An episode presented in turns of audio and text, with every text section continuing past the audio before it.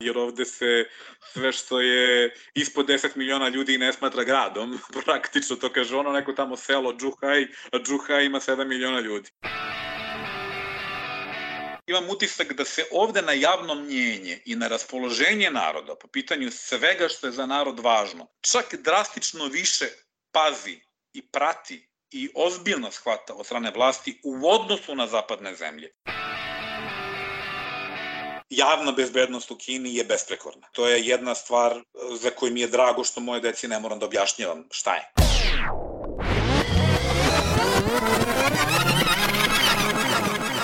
Radio Karantin. Dobrodošli u novi radio Karantin. Nova emisija, novo pitanje. Da li biste zarad boljeg standarda živeli u autokratiji, u zemlji u kojoj nema demokratija, sloboda govora je drastično ograničena? Većina dosadašnjih gosti u radio karantina, koji žive u zapadnim zemljama, kažu da su otišli pre svega jer su želeli da žive u uređenijem društvu. Mada oni koji istražuju migracije, naglašavaju da ljudi ipak prvenstveno odlaze zbog boljeg standarda – i navode emigraciju u zemlje poput Kine ili Emirata kao primer. I zato Radio Karantin u ovoj i narednoj emisiji razgovara sa ljudima koji su otišli upravo u Kinu i Emirate. Ja sam Aleksandar Kocić, a moj današnji gost je Marko Jovanović, beograđanin koji trenutno živi u Šangaju posle nekoliko godina u Shenzhenu. On kaže da je naša percepcija o jednopartijskoj Kini kao neslobodnom društvu i suviše pojednostavljena i da mi, posmatrači sa strane, često ne shvatamo kako kinesko društvo funkcioniše. Marko dodaje da u visoko digitalizovanoj Kini čak ni jezik više nije prepreka u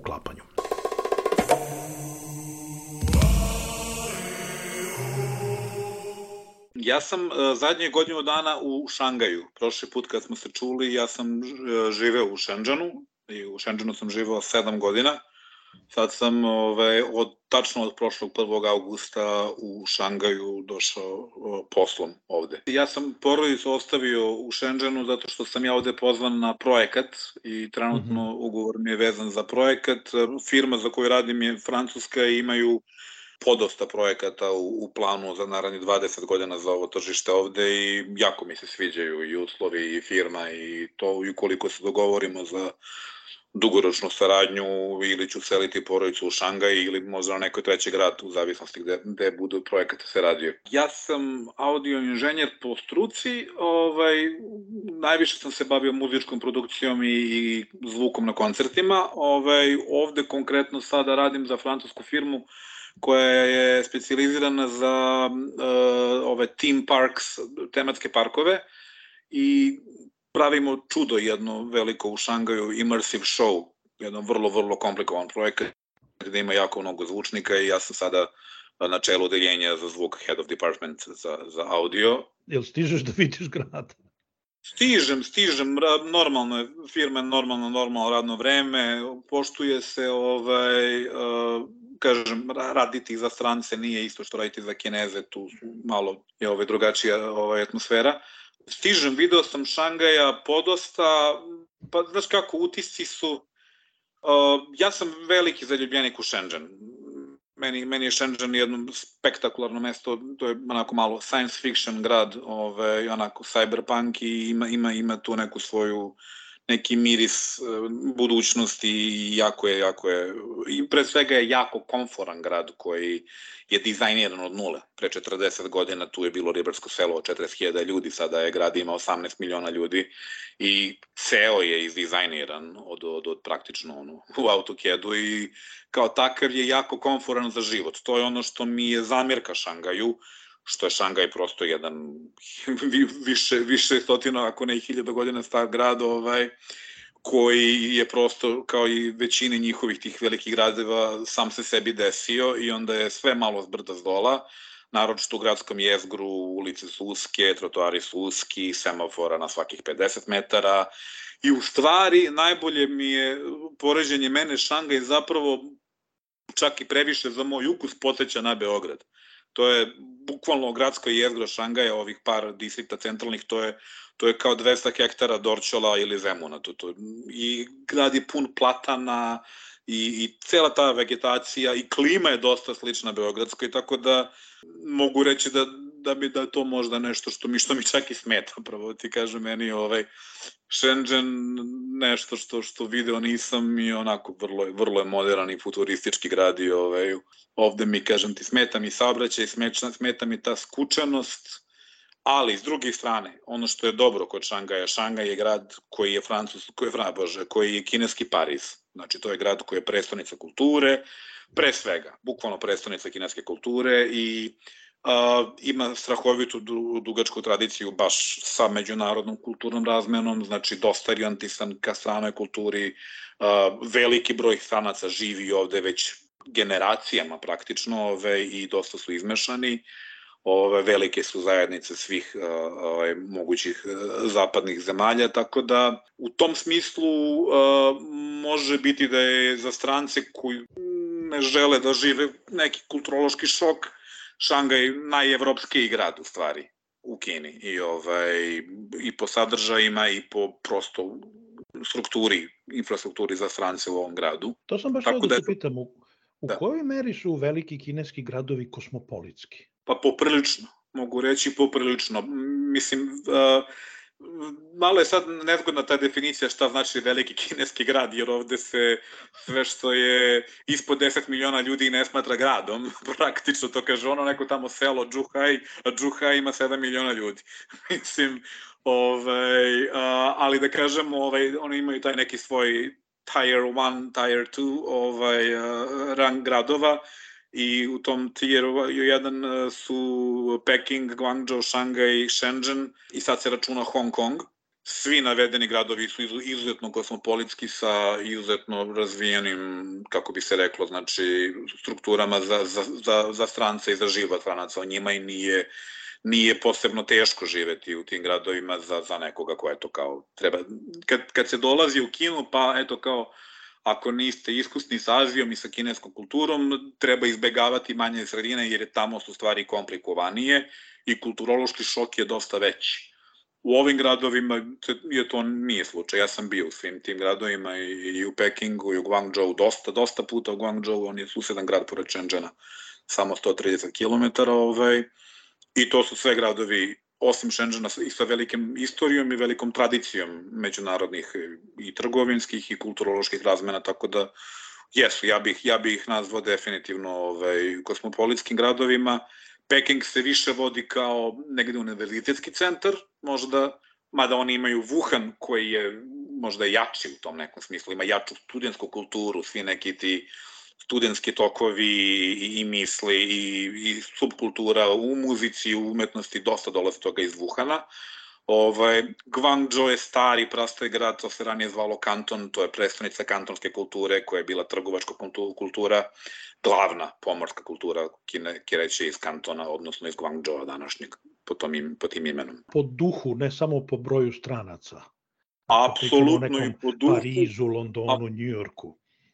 Apsolutno mislim da da, po duhu, ovaj, ja gledam osnovu toga, znači da li su, što se kaže, putokazi dvojezični, da li postoje restorani, namirnice i stvari koje su prijemčive ljudima i, i sadržaj prosto za strance i da li i u njima žive stranci, da, definitivno postoje. Evo, spomenuo si Wuhan, kad smo ovaj, prošli put pričali, e, tad su bili karantini na snazi, bilo je ograničeno kretanje, odnosno u Kini vrlo ograničeno. E, kakva je sad situacija? Se vratio ono normale, se život vratio u normalu?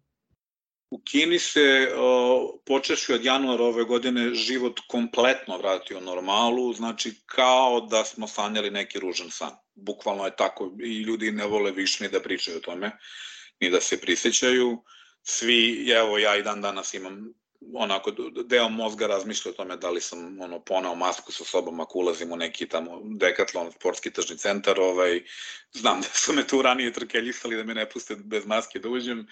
Ovaj ili da li da li mi treba onaj zdravstveni kod ili ne treba, ali verujte deo deo mozga i dan danas instinktivno se seti toga onako češće nego što bi voleo, ali u principu ne, ne postoji apsolutno više ni jedna jedina mera na snazi. Ovaj, kretanje je kompletno normalizovano do te mere da je kao i svuda u svetu avio saobraćaj potpuno podivljao, imaju 40% veći obim putnika u vazdušnom saobraćaju nego pre korone. Znači pre iz 2019. znači brojevi su podivljali, svi putuju svuda, svi Ljudi posećuju putovanja. Ljudi su se zažalili putovanja kako u svetu, tako i u Kini. Cene su otišle maltene do, do 100% ovaj, višle u odnosu na period korone. Ja znam po tome što sam ja, znači, od tih šest meseci, e, odnosno od godinu dana u Šangaju, ja sam šest meseci bio podijel ovaj, korona, korona režimom i to je bukvalno aviokarta između Šendona Šangaja bila duplo jeftinija nego što je sada. I ovaj, meni to znači jer ja putujem možda svaki drugi vikend dobiđem da porodicu, tako da ovaj, sad mi uopšte ne ugovaraju ove cene, ali i vidim da su avioni prepuni. Znači, to je lokalni let koji je dva sata, svaki put je to širokotrupni avion, znači uvek su Boeing 789, A330, znači ono, 7 do 9 sedišta, ovaj, su veliki avioni i uvek su puni. Tako da, putuje se, leti se, vozovi su puni, mora unapred da se kupuju karte, tako da nema nigde nikakvih više, apsolutno ni jedna jedina mera, ljudi i dalje, koliko uspevam da vidim, oboljevaju povremeno od korone, mogućnost da se negde istestira, da se dobije zvanična diagnoza postoji. Čak i u slučaju pozitivne diagnoze ne postoji nikakva posebna procedura, niti karantin, niti izolacija, niti bilo šta. Ljudima se savjetuje da odu kući da odboluju, firme ih zamole da ne dolaze. I ovaj, bukvalno kao je bilo koja druga bolest, kao je bilo koja druga preklada koja je ovaj, i inače kad ljudi razmišljaju o odlasku ljudi sa Balkana, uh, obično najveći broj ljudi ide u zapadne zemlje, zato što pod broj 1 žele bolji standard, pod broj 2 uh, često se kaže hoću život u uređenijem društvu. Šta je tebe odvelo u Kinu? I ne samo tebe, i druge ljude sa Balkana koje srećeš u Kini. Slučajnost, ono, neke, ono, desilo se preko noći ili je to bio plan? Nije se uopšte desilo preko noći, ceo proces je u glavi potrajao malo duže, od, od prvog momenta kad sam ja saznao za opciju odlaska u Kinu, to je bilo možda 2011. Do momenta kad sam otišao je prošlo četiri godine. Znači do 2015. sam ja zapravo otišao. E, prvih par godina je to bila šala u moje glavi. Evo, ako sve, ako ništa ne prođe kako ja planiram, u životu uvek ostaje ta neka opcija Kine. nažalost, kako su stvari se dalje kretale, ovaj, i, e, ta opcija je postala realna i ja sam 2015. seo na avion i došao ovde. E, prvi deo pitanja se odnosi na to zapad versus istok. Tačno je, to jeste početna postavka ljudi koji odlaze na zapad, ali ono što takođe ti isti ljudi koji odlaze na zapad prijavljuju, barem nama koji ostajemo u Srbiji, jeste stigma koju ljudi sa našeg prostora i posebno iz Srbije nose na zapadu ovaj, i da neretko uh, moraju više da se trude, više da se dokazuju, da, da prosto jedan negativan publicitet koji je ostao o Srbiji iz 90-ih ih prati. Konkretno naročito u zapadnoj Evropi, a za Ameriku, ajde da ne kažem da je to nešto izraženo, barem nisam dobio takvih informacija. Uh, ali svakako uh, ono što je u momentu kada sam ja dolazio za Kinu 2015. i cele te decenije, pa do relativno nedavno, mada i dalje je tako donekle, ovaj, bilo je obrnuto. Ukoliko ste uh, dolazite sa zapada, a vi u Kini dobijate strahovit neki vetar u leđa. Znači jednostavno ljudi mnogo imaju drugačiji stav prema vama, znači pre svega mnogo lakše naći posao, do, do, do potpurnih absurda, gde, gde su postoje takozvani white monkey jobs, znači gde su ljudi doslovce glumili da su neki direktori nekih firmi ne bi radili ništa, vodili bi ih po sastancima, eto da se pokaže da imaju belog direktora, doslovce do te mere išlo. Radio karantin. Većina ljudi koji trenutno živi u Kini od, uh, sa naših prostora su ljudi sa regularnim radnim vizama, radnim dozvolama, rade legalno, bave se uglavnom edukacijom, ali u nekim subject normalnim predmetima koje predaju u skladu sa svojim strukom. Dosta ima sportskih radnika, dosta ima trenera, dosta ima ljudi koji rade, predaju fizičko, Ove, a ima i prosto, ima i poslovnog sveta, ima ljudi koji imaju svoje biznise, svega ima, znači arhitekata, zubara, imamo jedan srpski restoran u sred Šangaja koji jako radno posećujem, ovo je odlično. Kako je klopa. Tako da, ovaj, tako da, veoma mi znači, moram reći, sedam godina u Šenđanu nisam imao pristup ovaj, ćevapima i ražnjićima, sad je to ovaj, ne, nedeljno. Ovaj. Odlično, odlično. Momci rade fenomenalan posao, bolji su nego dosta kafana u Srbiji i da se ljudi više ne trude nego hrane narod. Ovi stvarno rade odlično. Kad si došao prvi put, kako je tekao period prilagođavanja? Kakav je bio Sećam početak se, života u Kini? Sećam se na velike ja, razlike. Apsolutno. Pazi, znači, činjenica je da kad dolaziš sa naših prostora u zemlju kao što je Kina, e, ta neka reputacija, odnosno neka, neko predubeđenje u Kini postoji u našem narodu, strašno. I, ja, I naravno što sam ja takođe dolazio u tu neku, da kažem, ilegalnu varijantu za početak, kao dok se ne snađem, dok ne vidim kako bi, šta bi dalje, ja sam ušao u strahovitom strahu. Znači, meni je prvih šest meseci u Kini bilo izuzetno strašno, svega sam se plašio, plašio sam se, jel te, ne znam, nadležnih organa, da će neko da, da, da, da provali, znate kako kad živite u nekoj paranoji, ali s druge strane, sve mi je bilo jako strano, kulturološki šok jeste veliki, nenormalno je frustrirajuće, tada nismo bili telefoni ovoliko moćni kao danas, mi, mi sad zavisimo od telefona i od aplikacija za prevođenje i komunikaciju i za pre, prevođenje fotografije, znači ne može se obstati bez toga, ali kad vi uđete u radnju i imate na jednom rafu 4000 proizvoda koji su u flašici i vi ne znate šta je šampon za kosu, a šta je za veš mašinu, to je onako, u jednom momentu stvarno onako, to su i, i napadi panike i gušenja i i teškoće, ovaj, meni lično je dosta pomoglo šest meseci kasnije kada mi je porodica došla, jer sam ja bio tih prvih šest meseci i sam. Uh, tada sam valjda zbog njih morao malo da da se saberem i da da da da da, da ovaj da se psihički ovaj dovedem u red. I to je sve bilo čupavo do momenta dok nisam zapravo rešio legalnu radnu dozvolu, legalne papire i prestao da da da razmišljam o tome ove, da li ja visim u vazduhu, da li, da li treba da gledam gde su, gde su zadnja vrata na objektu i tako dalje. Ali, kažem, nije samo taj strah, prosto kultura, jezik koji je ne, ne, ne, to nije drugi jezik, to je, to je prosto sa druge planete, znači karakteri, ne, ne postoje ništa zašto čovjek može se uhvati. I kažem, sa onim telefonima koji smo imali 2015. nije bilo baš tako lako to prevazići. Danas je to, ljudima koji danas dolaze je to dramatično jeftino, bukvalno jednostavnije, ja im izdeklamujem spisak od 10 aplikacija koje su vam ono, početak i kraj života u Kini i onda to dosta brzo, brzo i lakše prođe ljudima. Nama je bilo strašno. Za, zašto, zašto ih koristiš?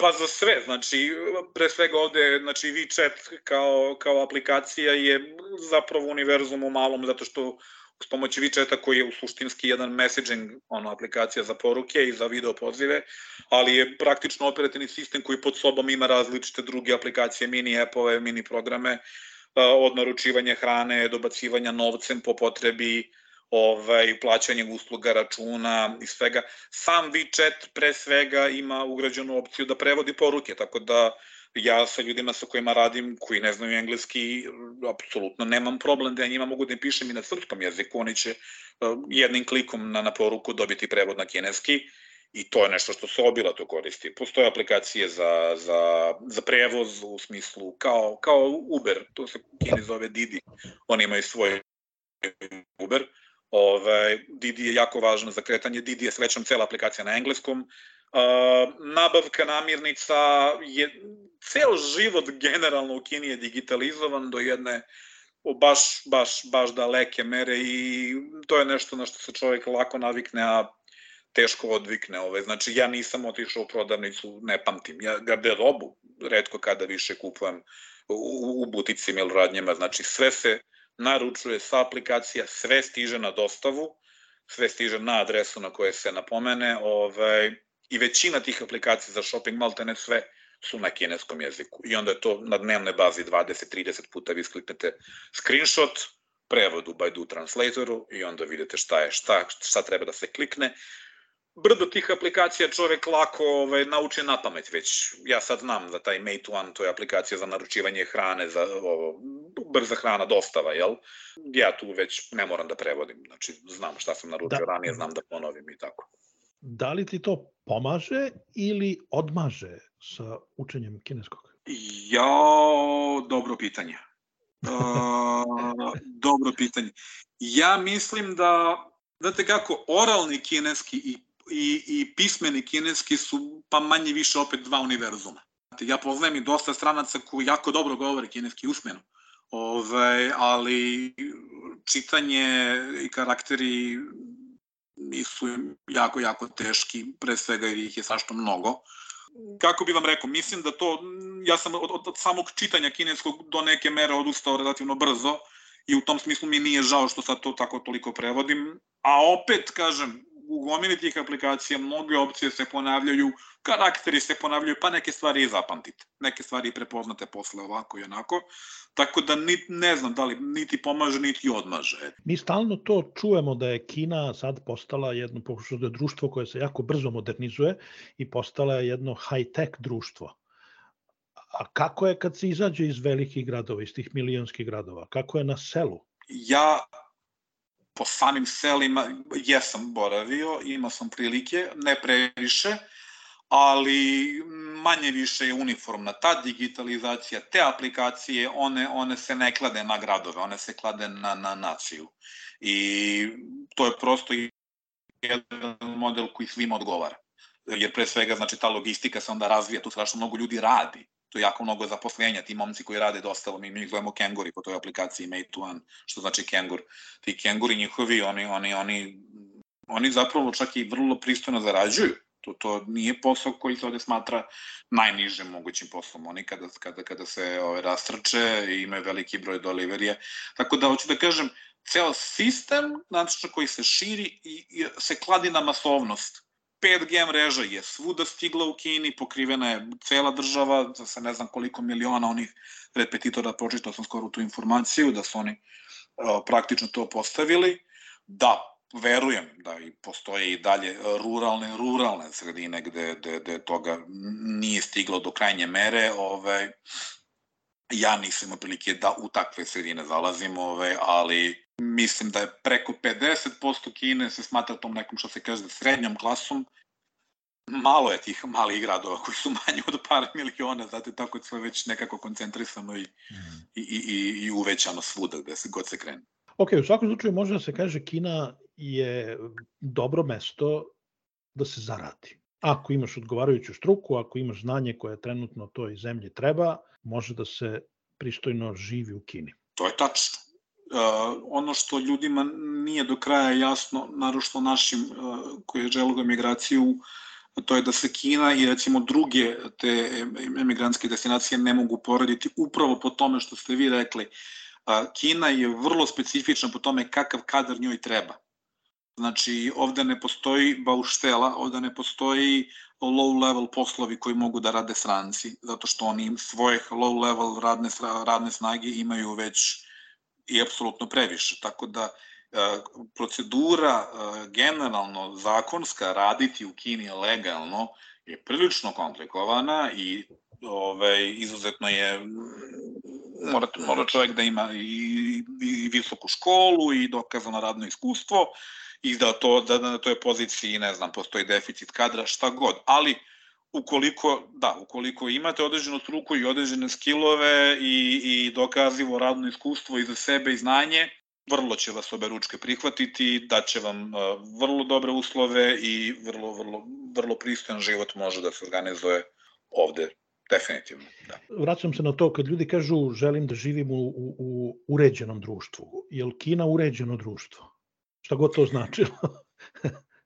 za, iz Jeste visoko tehnološko društvo sve više. Da. Ali Znate ono kako, uređeno ja smislu da je jako ima uređeno društvo. Jel ima puno na, ne rade državne institucije svoj posao kako treba ili šta ja znam. To je e, pitanje sa, sa, sa dva lica, kako bi se, mislim, odgovor na to je, i postoji i dobra i loša strana medalje. E, državni aparat je jako komplikovan, procedure su neretko jako komplikovane, tom nekom smislu to se može smatrati i uređenim, zato što ipak se sve negde prati nije moguće prevariti državu tek tako, nije moguće smuvati, nešto spetljati, nešto rešiti ispod džaka. Oni imaju strahovitno, naročito u, u eri poslednjeg predsjednika, strahovito velike napore da iskorane korupciju, jer je Kina bila jezivo korumpirana država do bukvalno njegove ere, ove, to je njegova sveta zadatak bio da, da iskorani korupciju i ovaj, meni se čini, ne, ne samo što mi se čini, nego što imam i konkretne primere i u mom životu, da vidim da se i na tom planu strašno mnogo stvari promenilo, da stvari koje su ranije mogle lako da se organizuju, papirološki, ko ima veza i poznanstava i načina da zaobiđe neka pravila, sada je jako teže, teže izvesti. U tom smislu, kažem, jeste uređen sistem, ali takav sistem uključuje mnogo ljudi, mnogo činovnika, mnogo ljudi u aparatu i ume da bude frustrirajuće, ono, naš sistem, fali ti jedan papir, FTJP, jako, jako česta pojava ovde. Posebno strancima je komplikovano zato što te njihove e, državne e, zvanične službene procedure su samim, i samim kinezima jako komplikovane, a za strance su još komplikovanije. Tako da ovde je već epski to, ono, prave se mimovi kako se, kad dođe stranac da otvori račun u banci, to, to se simpozijum saziva, znači to, to, to mora pet šalteruša i dva menadžera da se pojavi. Svakako jeste uređeno, ovaj, sve se mnogo više prati, poreska kontrola je strahovita, sve vezano za, za legalnost, za, za, za pravnu državu u tom smislu jako, jako, jako dobro funkcioniše, ali ne znači da uvek funkcioniše brzo i ne znači da uvek funkcioniše bez, bez ove frustracije, narošto za strance. Istovremeno, Kina uz sve svoje prednosti nije demokratsko društvo, nije slobodno društvo i ljudi nemaju slobodu govora kako imaju ljudi na zapadu ili čak i u jednoj Srbiji. Koliko je to nešto što, o čemu razmišljaš dok živiš u Kini? Pošto svi stranci uvek žive sa tim nekim određenim zazorom od, od, od države i od, ne znam, vlasti i zbog svih tih priča ovaj, i predubeđenja koje postoji, to je tema koja je, koja je uvek prisutna. Za mene lično, a i za dosta ljudi koje znam, mada ne i za sve ljude, ima ljudi koji, koji nisu to tako isprocesirali. Uh, ja sam pre svega morao da u svojoj glavi uh, redefinišem šta znači slobodna zemlja. Šta znači demokratija i šta znači zapravo vladavina naroda. I ne zameram ljudima koji su kraća u Kini i koji nemaju, da kažem, toliko duboko iskustvo sa, sa različitim slojevima kineskog društva, jer mene je posao vodio od vlasnika fabrika do, do, do inženjera i samih manuelaca u istima i imao sam zanimljive razgovore i večere sa svima njima i po prirodi sam prilično analitičan i želim da razumem mesto u kome se nalazim, da ga razumem. A ono što sam ja razumeo je da iako Kina nema, na primjer, ne znam, te četvorogodišnje izbore koji se smatraju jel, perjanicom demokratijom, ja je smatram jako demokratskom zemljom iz prostog razloga, čak imam utisak da se ovde na javno mnjenje i na raspoloženje naroda po pitanju svega što je za narod važno, čak drastično više pazi i prati i ozbiljno shvata od strane vlasti u odnosu na zapadne zemlje, gde vi možete da imate predsjednika koji će četiri godine biti na nekoj funkciji zato što je, ne znam, ispričao šarene priče dok je bio u predizbornoj kampanji, nije uradio ništa za te četiri godine, imamo toga i na zapadnim zemljama, imamo toga i kod nas, videli smo, ovaj, neko dođe, potrošiš četiri, četiri godine, tebi i narodu bude gore nego što je bilo ili isto, njemu bude mnogo bolje, ne postoji kazna osim da on ne bude reizabran. U Kini to ne funkcioniše tako. U Kini službenici i uh, faktori vlasti koji ne ispunjavaju svoje zadatke bivaju menjani E, sistem je jako strog i jako rigorozan.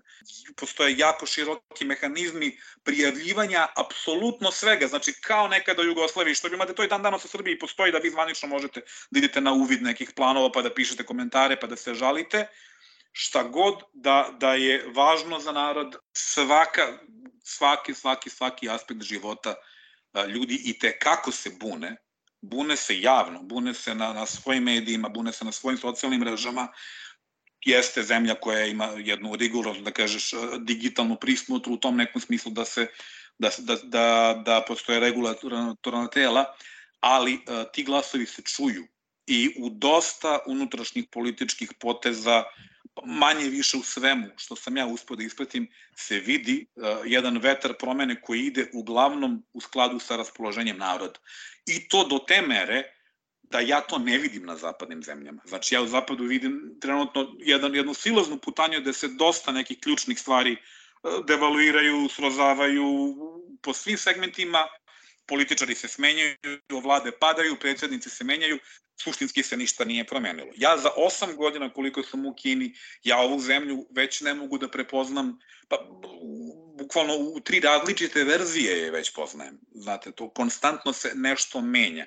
I u tom smislu ja lično sam redefinisao pojam demokratičnosti. Oni sebe i kada, kada se što, izvini, izvini što te prekidam, političari koje si ti malo pre spomenuo, dođe četiri godine, napravi sranje i nikom ništa ode, ali njega su izabrali građani. Kineski građani Tako nemaju tu kineski građani nemaju tu mogućnost. Da li im to fali ili im smeta? Za to se mora malo bolje razumeti njihov metod zapravo izbora e, činovnika, zato što to jesu ljudi iz naroda, a, to jesu ljudi koji a, e, progresuju, e, možete pratiti biografiju aktualnog predsednika, njegov životni put, biće kudi kamo jasnije kako je čovek sa jedne na drugu poziciju isključivo nekim rezultatima dobio popularnost unutar partije, unutar delegata, tu su neki izbori postoje, struje postoje.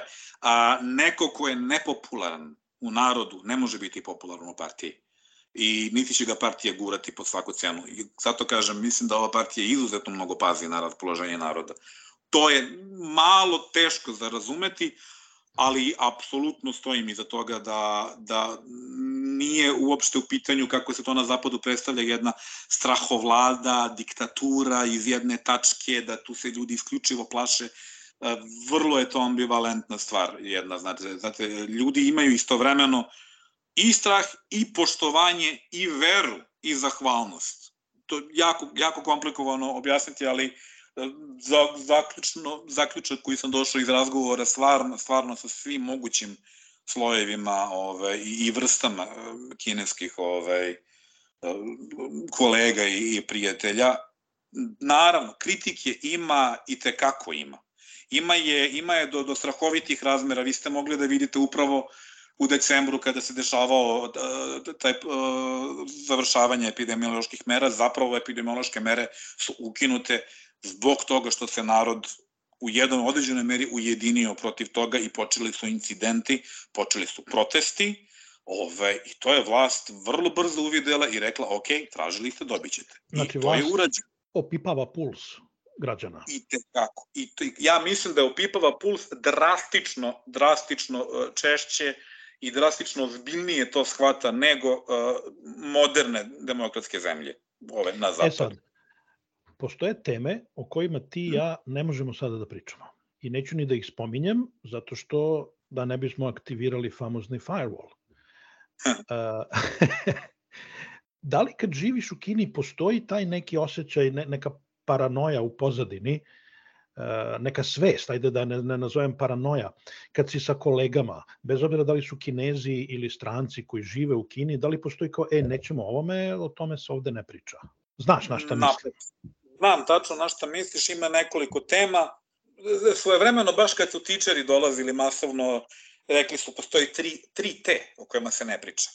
To, naročito je, to je njima upozoravano zato što su to ljudi koji rade sa decom i koji prosto ni na, na njima da, da, da vode bilo kakve debate o tim stvarima iz ugla stranca koji treba da predaje engleski deci.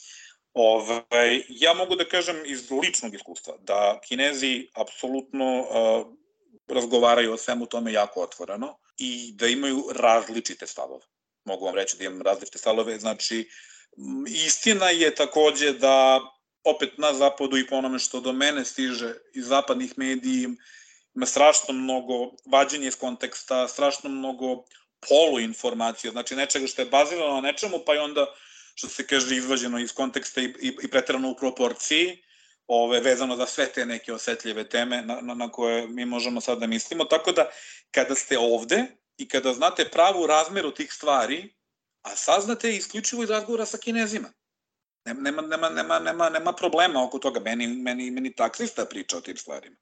Nikakav problem. Oni svi znaju tome, samo što su njihovi stavovi kompleksniji i stvari nisu crno-bele kako Zapad voli da ih predstavi, Tako da ovaj, u tom nekom smislu nemam, ne, ne vidim paranoju, on, ako oni sami nemaju nikakvu paranoju o tome, ne vidim zašto bi ja imao paranoju o tome, o tome da razmišljam o tome. Sam sam se lično i naravno imam svoj savez, želim da znam ovaj, u kakvom društvu i na osnovu čega živim, eh, raspitao sam se, istražio sam jedne, druge, treće izvore i eh, došao do, do, do, do neke, neke verzije koje po meni ima smisla. Ima koliko jeste, ovaj, kako se kaže, škakljiva nije uvek onako kako izgleda nekome ko gleda to sa zapada i isključivo iz, iz, iz, iz zapadne vizure. Jel postoji antizapadni sentiment, antizapadno raspoloženje? Antizapadni sentiment postoji, moram da priznam, i da je u zamahu, da je u jačanju, ovaj, i da je to ne znam koliko je deo političke agende, ne bi, ne bi, bio, ne bi, ne bio više toliko daleko, mada je istina da je retorika trenutne vlasti dosta više uh, aludira na, na osjećaj nacionalnog ponosa, negde na što i pre svega imaju pravo, svaka, svaka zemlja ima pravo da bude rodoljubiva i nacionalistička koliko želi, mislim. Kažete, znate, ovde, zastave na svakom čošku pobogu u Americi, svaka kuća drži zastavu ispred ovu dvorišta, tako da ne bi, ne bi po tom pitanju mogli da im priđu. A, a s druge strane, ono što je evidentno je da od epidemije, zapravo i od tog nekog momenta upravo zapadnog optuživanja, osuđivanja i smevanja i vrlo, vrlo negativne reakcije zapada na Kinu povodom e, izbijanja epidemije geografski u Kini, da je to njih jako povredilo, jako uvredilo. Druga stvar koja je takođe krenula da se dešava da Kinezi širom sveta ne samo Kinezi, svi Azijati širom sveta trpe mnogo veći rasizam nego što su ga trpeli pre korone. To mi prijavljaju ljudi koji su iz Vijetnama, ljudi koji su iz Kambođe, ljudi koji su prosto ovaj, azijskog porekla. Njihovi studenti koji studiraju na zapadnim zemljama ne žele da se vrate, ne žele da se vrate na te fakultete, kažu atmosfera je drugo, izopšteni smo, neprijatno nam je, prijanom više, bukvalno da, da, da ostanemo ovde. Tako da taj sentiment jeste porastao. I naročito i u stoku same epidemije jeste bilo neprijatno, opet zato što oni jesu imali svoje mere rigorozne kontrole i kao uh, vrlo dobru kontrolu nad samom epidemijom i onda kad god vide nekog stranca, oni su počeli da, da se nama stvari podsmevaju kako preko to niko ne može da zakontroliše, diskontroliše, kako su masovne brojevi zaraženih i, i umrlih i onda je bio i taj zazor da ljudi doslovce hoće da pređe i ulicu kad vide stranca Kao nemoj, znaš, ti si možda došao od negde napolje. To postoji, to je nešto što mi lično se ne sviđa uopšte. Imam utisak da je to ove godine krenulo da, da popušta, ali opet ne znam, ja sam u Šangaju, Šangaj je izuzetno kosmopolitski grad, tako da ja ovde to ne doživljavam i ne osjećam uopšte više, ali da, anti, anti-zapadni sentiment u narodu postoji i bio je u zamahu. Bio je u zamahu svakako, naročito toku epidemije. I kaži mi na kraju, koji je najlepši aspekt života u Kini? Jo, najlepši aspekt života u Kini. Pa ajde ovako da, da, da krenemo od toga da sam ja roditelj ovaj, i iz ugla nedavnih nemilih događaja javna bezbednost u Kini je besprekorna. To je, to je jedna stvar eh, za koju mi je drago što moje deci ne moram da objašnjavam šta je. Znači da ja ne moram da im objašnjam šta sam ja preživljavao 90-ih u Srbiji, šta se i dalje nažalost dešava na našim prostorima, pa i u zapadnim zemljama. Javna bezbednost kao mene, oca dvoje dece, je nešto što me pre svega zanima da moje deca mogu da sednu na bicikl, već su dovoljno veliki, sami idu gde god doće, u školu, u, u shopping, vamo namo, apsolutno nemam temu da razmišljam da li će nešto da im se desi. Da li će da, da, da, da, da im se bilo šta loše desi. Imam čerku, imam sina.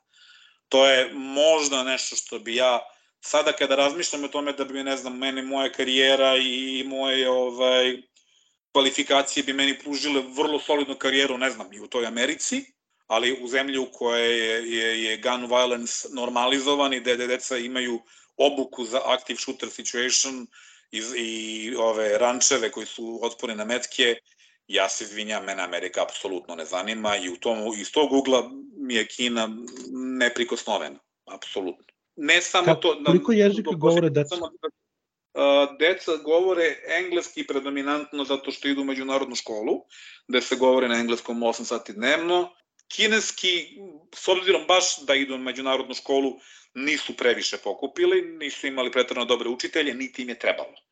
Ove, I ja ih nisam forsirao u tome, ove, tako da njima je zapravo engleski glavni jezik, čak su sa srpskim počeli da, da, da mučimo muku i da, da, da, da, da se gubi iz komunikacije. Druga stvar koju sam samo teo da kažem kao važan aspekt prednosti Kine u odnosu na celu trenutnu geopolitičku situaciju jeste ta neka stabilnost, da vi znate da pa makar izbila epidemija, država će se potruditi da poslovi funkcionišu koliko toliko, da, da, nestane, da ne bude kolapsa sistema, da, da nema tih nekih briga.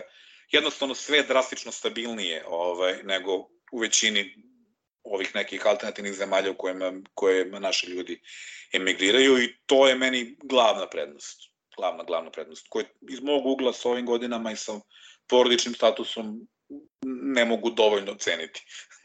šta, ti se najmanje, šta ti se najmanje sviđa u Kini? Jezik. Moram reći jezik. I moram reći jezik, a, apsolutno, imam ja zamirki naravno i, i, i na tu njihovu rigidnost i na neretko ovaj, frame mindedness ovako pojedinačno službenički i to ovaj ali apsolutno najveći problem je jezik.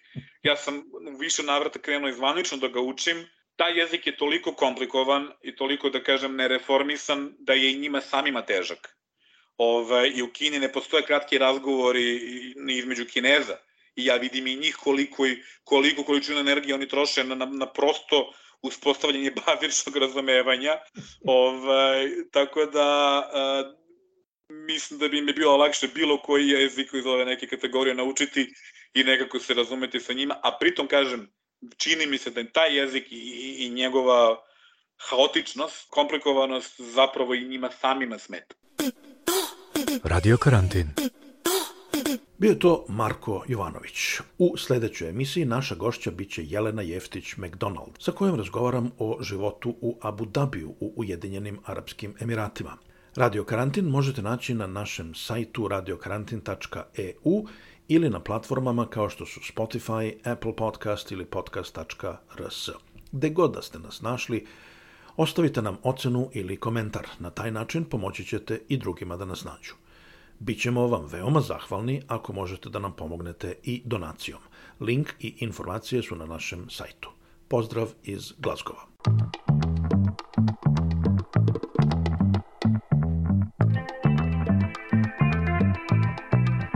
Radio Karantin